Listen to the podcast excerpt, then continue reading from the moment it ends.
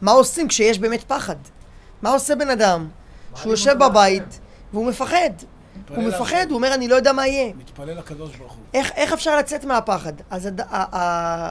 יש הרבה כלים איך להתמודד עם הפחד, ואני רוצה לדבר היום על הכלי, מה שנקרא האחרון. מה קורה כששום דבר לא עוזר? אדם מתבונן, אומר, הקדוש ברוך הוא נמצא איתי, אבל את הפחד בלב הוא לא מצליח להשקיט.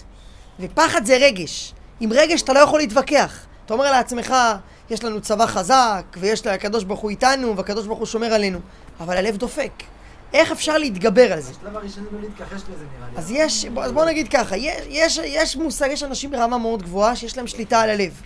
יש אדם שיכול באמת להגיע לרמה שהוא שולט על הרגש שלו. אז זה אנשים בדרגה גבוהה מאוד, אני, אני לא מכיר אנשים כאלה שאצלהם הגרון לא מצליח לעצור, שהמוח ישר יכול לעבוד, לעבוד על הלב. זה מסופר על התלמיד של בעל התניא. קראו לו רבי מוישה וילנקר, שהוא אה, בשליחות של בעל התניא הוא נסע להיות מרגל בצבא צרפת לטובת רוסיה. ובעל התניא היה סבור שנפוליאון צריך להפסיד בקרב. הוא עשה כל מיני עניינים רוחניים נגד נפוליאון. ואז יום אחד נפוליאון הגיע לחדר ששם רב מוישה יושב. אתה שומע, משה? נפוליאון נכנס לתוך החדר, ואיך שהוא נכנס לחדר, הוא לא, לא הכיר אותו לפני כן. נפוליאון היה לו חושים מאוד מאוד מחודדים. הוא היה לא סתם היה מנהיג גדול. הוא ידע לזהות בני אדם. נפוליאון נכנס לחדר, איך שהוא ראה אותו, הוא הלך ישר לכיוונו, ואמר בצרפתית שתי מילים, אתה מרגיל. ושם לו מיד את היד על הלב. להרגיש איך, איך הלב שלו עובד. אז הוא אמר אחר כך לחסידים, תדעו לכם, בזכות ספר התניא, החיים שלי ניצלו. אז הוא סיפר להם את הסיפור הזה. הוא אמר להם, הרבי לימד אותנו כל החיים מוח שליט על הלב. הצלחתי לפקוד על הלב, לא לפחד. דופק לב רגיל. כמה שניות הוא שם את היד, הוא אמר לו, אתה משלנו. בסדר, הוא רואה שהלב שלו לא, לא דופק.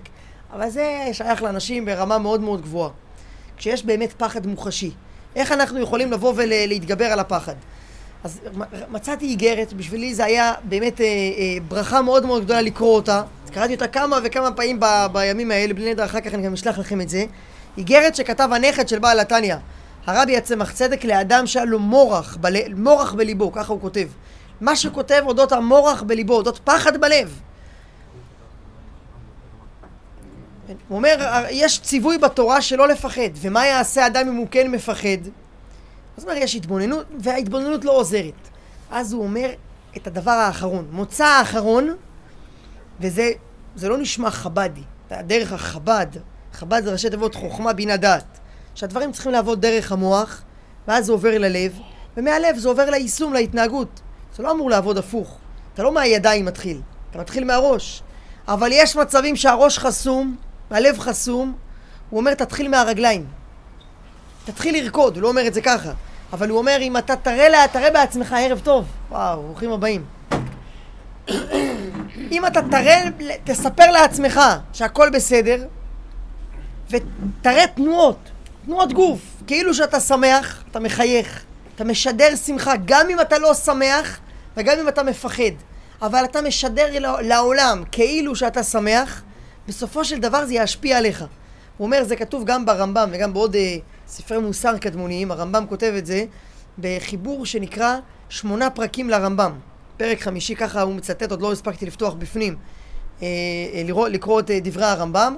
שמונה פרקים לרמב"ם זה הקדמה שיותר ארוכה מהספר עצמו. הספר זה פרקי אבות. כמה פרקים יש בפרקי אבות? שישה פרקים. שישה פרקים פרקי אבות. הרמב"ם כתב הקדמה לפרקי אבות, שמונה פרקים. שמונה פרקים הקדמה לפרקי אבות, שם הרמב"ם כתב בקצרה את כל תורת הנפש שלו. שמונה פרקים לרמב"ם, ככה זה נקרא, מופיע בסוף הגמרות. בסוף, ה, אני חושב בסוף מסכת אה, סנהדרין, בסוף הגמרא מופיע הספר הזה, שמונה פרקים של הרמב"ם, שם הוא כותב, אחר המעשים נמשכים הלבבות. אם אתה, הציטוט הזה זה לא מהרמב"ם, זה לא טוב אולי מרבנו בכיר או מגדול אחר, אבל שם הרמב"ם אומר שאחד הדרכים להשפיע על הרגש, להשפיע על התודעה, זה דרך ההתנהגות. גם אם אתה לא מרגיש ככה ואתה לא מאמין בזה, אם אתה תגיד את זה לעצמך הרבה פעמים, זה יחלחל פנימה, וזה לאט לאט יעצור את הפחד. אז אני מדבר קודם כל על המעשה, זאת אומרת מבחינה יישומית, תגיד לאנשים סביבך, אני לא מפחד. וזה, אפשר להגיד, אחד הדברים שפתאום היה לי כזה פלאש, ראיתי את זה במוחש, זה היה עם הסיפור של אה, אה, גברת פרח, שהיא הייתה לבד בבית, בזמן שמחבלים אה, פרצו ליישוב, והיא נעלה את עצמה בממ"ד. כשהיא יצאה אחר כך, אחרי 48 שעות היא יצאה מהממ"ד, אז היא אמרה, אני ח... מלאה הודיה. קודם כל הודיה להשם שהיה לי נעילה בכלל לממ"ד.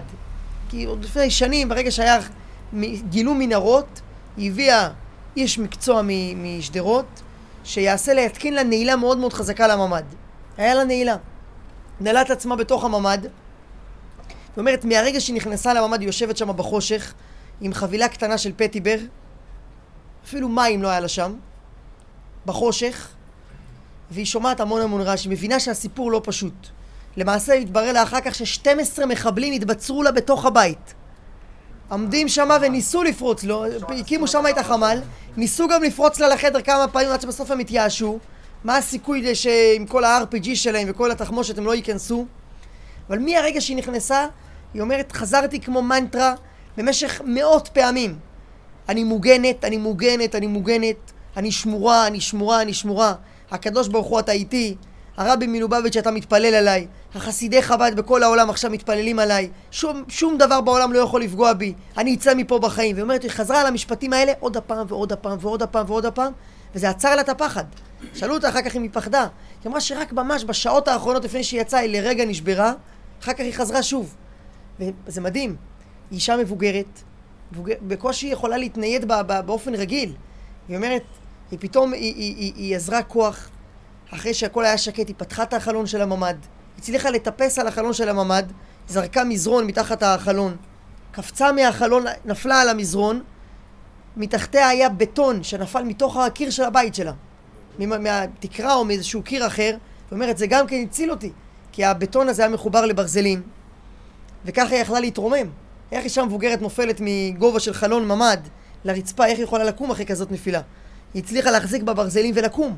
היא סוכרתית. 48 שעות היא אכלה כמה ביסקוויטים. היא אומרת, איך שהיא יצאה משם, היא מצאה בקבוק של מיץ ענבים. חצי בקבוק, ככה מולה. שתה, שתתה את כל הבקבוק, קיבלה כוח, הלכה עד השער של הקיבוץ ושם כבר אה, אה, הצילו אותה. אבל הדבר הזה שהיא פשוט חזרה לעצמה עוד הפעם ועוד הפעם, אני מוגנת, אני מוגנת, אני מוגנת. למילים האלה, למחשבות האלה, יש כוח. כמו שראיתי את זה מאוד יפה, אמר את זה אה, אה, הרב, אה, הרב ג'קובסון, שהוא מרצה בארצות הברית. הוא אמר, המחבלים דופקים על הדלת של הממ"ד. אם לפתוח להם או לא, אתה בעל הבית. אם להפסיק את הדפיקות, אתה לא יכול להחליט להפסיק את הדפיקות, זה הם דופקים. אבל אם להכניס אותם או לא להכניס אותם, אתה בעל הבית. אומר המחשבות. המחשבות מגיעים לך, זה כמו דפיקות על הדלת. אתה לא מכניס את המחשבות, אתה מיד מחליף למחשבה אחרת. וזה בכוח של כל אדם. אדם מגיע לו פתאום מחשבה של פחד, הוא יכול להחליט על מה לחשוב. תחשוב על משהו אחר. תחשוב על משהו שאתה צריך לעשות. הוא אומר אפילו בענייני חולין. יש לך חשבונות שאתה צריך לעשות, לעבור על החשבון בנק, לעבור על קבלות, על חשבוניות, להתעסק במסחר שאתה צריך לעשות. תשאל את עצמך, מה אני צריך לעשות? אפילו עניינים, עניינים של חולין, לא עניינים של קדושה. מה משהו חשוב שעכשיו אני יכול לעשות? משהו שיטריד אותי, משהו שיעסיק אותי? ולאט לאט, הוא אומר, תוך יומיים שלושה, הפחד ייעלם. כי אתה מרגיל את עצמך לא לתת לפחד מקום, ברגע שאתה לא נותן לפחד להיכנס לראש, הסיפור שאתה מספר לעצמך, זה גם מה שבסוף אתה תחווה ברגש בלב. אם אתה אומר לעצמך, אני מוגן, אני שמור, אף אחד לא יכול לפגוע בי, עוד לפני שיש לך הסבר. כי הרבה אנשים במדינה שלנו סמכו על הצבא. ופתאום ברגע אחד הכל קרס. בבוקר של שמחת תורה, פתאום הבנו שאנחנו חסרי אונים. זו תחושה נוראית. אני אומר, לכם, גם לי אישית היה מאוד קשה להתאושש מזה. כל אחד מרגיש, בסוף יש לנו את השב"כ, ויש מודיעין, ויש תצפיתניות, ויש גדרות, ויש מכ"מים, ויש חיל אוויר. פתאום ברגע אחד הכל קורס, אין כלום. אתה רואה את, את, את המוות הזה שועט ברחובות, את הטנדרים של המחבלים, אתה מבין, אין כלום. אין כלום.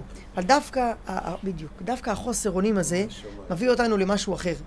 להכרה שצריך באמת גם בשגרה. אסור לנו אף פעם לסמוך על צה"ל. לעשות את ההשתדלות צריך לעשות עד הקצה. צריך בעצמנו להיות מאומנים.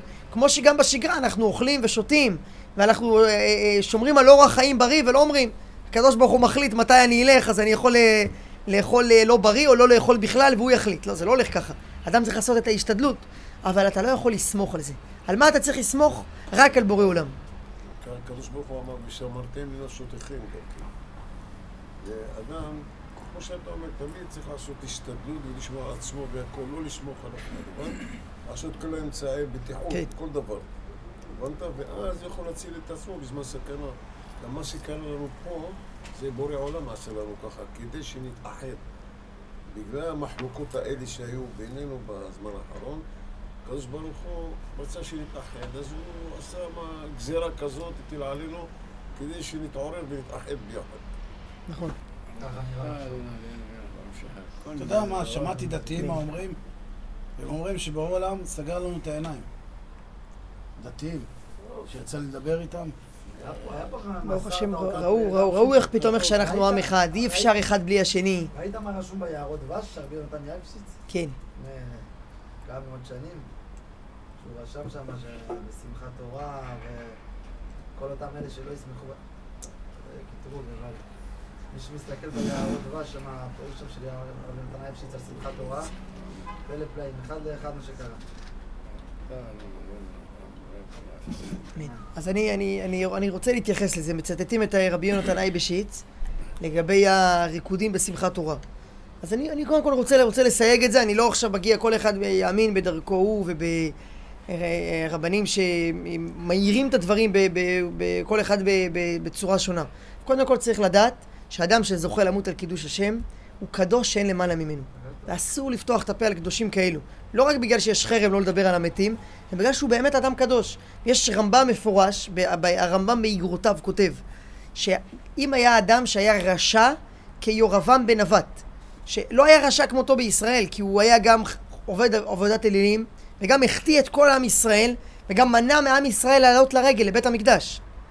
אומר הרמב"ם מפורש, אדם חוטא כיורבם בן נבט, וזכה למות על קידוש השם, יש לו חלק לעולם הבא. זה רמב"ם מפורש, זה לא תגיד איזה חסידות או עניינים אה, כאלה ש... של רק רגש הלב. פסק מפורש של הרמב"ם. אז ודאי שכל מי שהיה שם במסיבה זכה לעלות לגן עדן, ולא סתם לגן עדן, למקום הכי גבוה בגן עדן. ולמעשה התינוקות האלו, היום פתאום הביטוי תינוקות שנשבו, זה נהיה ביטוי, ביטוי מוחשי, כי יימח שמם החמאס לקחו בשבי תינוקות. מה זה אומר תינוקות שנשבו? אתה יודע מה זה אומר? החז"ל מתייחסים לזה, תינוקות שנשבו לבן העקום. אם הגויים באו ושבו תינוק. התינוק הזה גדל שם, והוא מחלל שבת, והוא אוכל לא כשר, ואתה יודע מה, הוא משתתף בהפגנות של החמאס. מישהו יכול לבוא אליו בטענות? אם יש ילד שלקחו אותו בשבי, מה אתה רוצה ממנו? הוא גדל שם, הוא לא יודע משהו אחר. כל התינוקות האלו, כל הנערים שהם היו במסיבה, הם לא גדלו על, ה, על ברכי היהדות, הם לא חוו אף פעם שבת בצורה טובה. הם לא חוו את החגים בצורה אמיתית, בצורה יהודית. אין מה לבוא אליהם בטענות. אנחנו צריכים להגיד לעצמנו, אשרנו בגנו, למה לא לימדנו אותם? היה אצל הרבי מלובביץ' פעם בשמחת תורה, אתה שומע עידן? כן. הרבי בשמחת תורה נמצא ב-770 וכמה רחובות ליד, היה שם צעירים שעשו מסיבה בשמחת תורה. מסיבת הוללות בליל שמחת תורה. בנים, בנות, מוזיקה, אוכל לא כשר. הרבי אומר כמה רחובות, יש שיחה של הרבי, הרבי כותב כמה רחובות מכאן נמצאים צעירים שהלב שלהם מרגיש שהלילה זה שמחת תורה ואי אפשר ללכת לישון. רק בגלל שהם לא, לא חוו יהדות, לא לימדו אותם איך אמורים לחגוג את שמחת תורה, אז הם חוגגים את זה כמו שהם יודעים. אבל הגוף שלהם רוקד והנשמה שלהם מרגישה שהסיבה האמיתית לריקודים היה הלילה זה בגלל שמחת תורה. היה הם חוגגים את שמחת תורה. ואני אגיד לך עוד. משהו לדעתי. כן. דברי הנביאות, אז אני אגיד לך, אגב, לעניות דעתי, באירופה, לא בשנתיים שלוש האחרונים, במאות שנים האחרונות, היה, בתוך הקהילות, היה גם אה, תנועה, תנועה של, אה, של נוער פורה קול. תנועה של, אה, אז התחילה תנועת ההשכלה, תנועת חילוניות, והיה, זה, הוא דיבר על מציאות קיימת, שהיו צעירים וצעירות שנפגשים מחוץ לבית כנסת ועושים ריקודים. דיברתי פה עם אנשים ברוסיה, ב... יש לי פה חבר ש... שהיה גר. בצ'רנוביץ. ברומניה, חבר מבית אליעזר, הוא אמר לי בשמחת תורה, הבית כנסת היה מלא מפה לפה בזקנים, אוקיי. בחוץ, כל הרחוב היה מלא בצעירים וצעירות שהיו באים לחגוג את שמחת תורה, כמו שהם היו חוגגים את שמחת תורה. אז הוא דיבר, הוא אומר שהשטן מרקד, הוא בא לדבר, אל תהיו שם, אל תהיו בחוץ בריקודים האלו. אני לא חושב שהוא מדבר, אפילו לא יודע אם הוא מדבר בנביאות, לכאורה הוא מדבר על מציאות שהייתה, שביום שמחת תורה יש תערובת ויש ריקודים, הוא מדבר גם לאנשים שכן יודעים איך אמורים להתנהג, אנשים שההורים שלהם היו דתיים ולמדו. מה, מה? שוב, אני לא, צריך ללמוד את זה כמה פעמים, צריך לראות את זה, לראות, אה, מדבר איזה. אבל יכול להיות גם שהוא פשוט מדבר על מציאות שהייתה אצלו, שהיה אנשים שהיו עושים, אה, היו אה, מחוץ לבית כנסת, היו עושים ריקודים מעורבים, והיו, אה, אה, אתה יודע, בצ'רנוביץ הוא סיפר לי שב- שבשמחת תורה המשטרה, המשטרה הקומוניסטית היו חוסמים את כל הרחוב של הבית כנסת בשביל שכולם יוכלו להיות שם בלי, בלי הפרעה. שתבין את, את הרמה של ה... רמת, רמת הנוכחות שהייתה ב- ב- בזמן הזה. אז אה, אם אנחנו חוזרים בחזרה, בחזרה לענייננו, איזה מחשבות יגיעו לך לראש, זה לא בשליטה שלך. יכול להיות שיגיעו לך מחשבות של פחד, אבל אתה תחליט האם אתה מקבל את המחשבה הזאת, או מיד דוחה אותה ומחליף את הדיסקט למחשבה אחרת. אותו דבר, גם אם את המחשבה כרגע אתה אפילו לא מצליח מיד להחליף, אתה מדבר דיבורים חיוביים. ואתה לא מכניס לעצמך אה, אה, אה, לפה דיבורים, כמו שזה נקרא בשפה של בעל הצמח צדק, דיבורים של מראה שחורה. אתה אומר לעצמך מי יודע, כל מיני תרחישים ביטחוניים. מה, אתה עובד בשב"כ, אתה עובד במודיעין, מה אתה צריך לפתוח את הפה ולהגיד כל מיני תרחישים? אתה צריך לדבר רק דבר, לדבר, לדבר דיבורים חיוביים ולחזק את הרוח. וזה דרך אגב דבר מדהים, כי אנשים מכל המעגלים, אנשים רוצים להתקרב. אנשים רוצים, אומרים, מה התורה אומרת על זה? מה, אני שומע הרבה אנשים, מה הרבי מלובביץ' היה אומר עכשיו? מה צריך לעשות? אז תנצל את ההזדמנות שאתה מדבר עם מישהו, במקום לדבר איתו תרחישים, ואיפה הצבא לא היה בסדר, ואת מי צריך, אה, מי צריך ללכת הביתה, משהו אחר לגמרי. שצריך להתחזק בהנחת תפילין, שצריך לבדוק את המזוזות, וזה דרך אגב דבר מדהים. כשהיה את, ה, את, אה, אה, את הטבח במעלות, אז הרבי דיבר על בדיקת מזוזות, ואז מיד היה מבצע, חסידי חב"ד יצאו בכל הארץ לבתים של החטופים ועשו בדיקת מזוזות. בבת, כל הבתים של החטופים היו מזוזות פסולות. וגם שם, בתוך הבית ספר, היו מזוזות פסולות כמספר האנשים שנהרגו בפיגוע. אני יכול להגיד לכם, התחילו עכשיו חסידי חב"ד, אני, אני יודע על משפחה, אם אני לא טועה מירושלים, שנחט, אה, אה, שנחטפו להם, אה, שישה מבני המשפחה נחטפו, הגיעו אליהם הביתה לעשות בדיקת מזוזות, אני מדבר עכשיו, אחרי שמחת תורה, היה בבית שלושה פתחים שהיה צריך שיהיה מזוזה ולא היה מזוזה, ועוד שלוש מזוזות פסולות. זאת אומרת, היה שיש, שש מקומות שהיה צריך להיות מזוזה ולא, שישה מקומות שהיה צריך להיות בהם מזוזה, ולא, ולא לא הייתה בהם מזוזה. אז מישהו, שאל, מישהו אמר לרבי, מה אתה אומר, שהמזוזות פגעו? בגלל המזוזות הם נפגעו? הרבי אמר לו, מזוזה זה כמו קסדה, כמו אפוד, אפוד, אפוד מגן. אם אתה לובש אפוד, אפוד קרמי בלי תקן, אפוד קרמי תוצרת סין, אז אה, חלילה אה, אה, אותו לוחם שלובש את זה, חמאסניק שלובש את זה, יורים עליו הוא מת. הוא אומר בגלל האפוד הוא מת. הוא לא מת בגלל האפוד. הוא מת, האפוד לא היה מספיק טוב, הוא לא הגן עליו. אותו דבר מזוזה לא כשרה. אותו דבר מזוזה לא כשרה, אין לה את הכוח. אין לה את הכוח להגן. ואני רוצה, כמו שאמרנו בתחילת השיעור, רק במשפט אחד. אנחנו, תמונת הניצחון שלנו זה שבונים את בית המקדש על הר הבית, ולא אנחנו בונים אותו, למלך המשיח בונה אותו. אנחנו צריכים לבקש מהקדוש ברוך הוא דבר אחד, לא רק שהחמאס יתרסק, או שהגויים ייפול עליהם פחד, שהצבא יחזור בשלום, שזה דברים הכי חשובים. מבקשים מהקדוש ברוך הוא, הבנו את המסר, אנחנו רוצים את המשיח. רוצים את המשיח עכשיו ממש, לא מוכנים לחכות, ולכוח של התפילה של עם ישראל, יש לזה כוח אמיתי. הקדוש ברוך הוא מתהווה לתפילתם של צדיקים ומחכה לתפילות שלנו ולזעקה שלנו. הרבי הבטיח שאם היו מתכוונים ומבקשים ודורשים באמת, מיד היה בא משיח. אז אנחנו זועקים ומבקשים באמת משיח, נזכה תקף ומיד להתגלות וביאת המשיח הלילה הזה ממש. חזקים וברוכים. שהשיעור יהיה לזכות בעל הבית, דוד צרגה בניגור ישראל, לזכות כל אה, חיילי צבא ההגנה לישראל, ו... ברפואת רבי עמוס כמוס רפואת.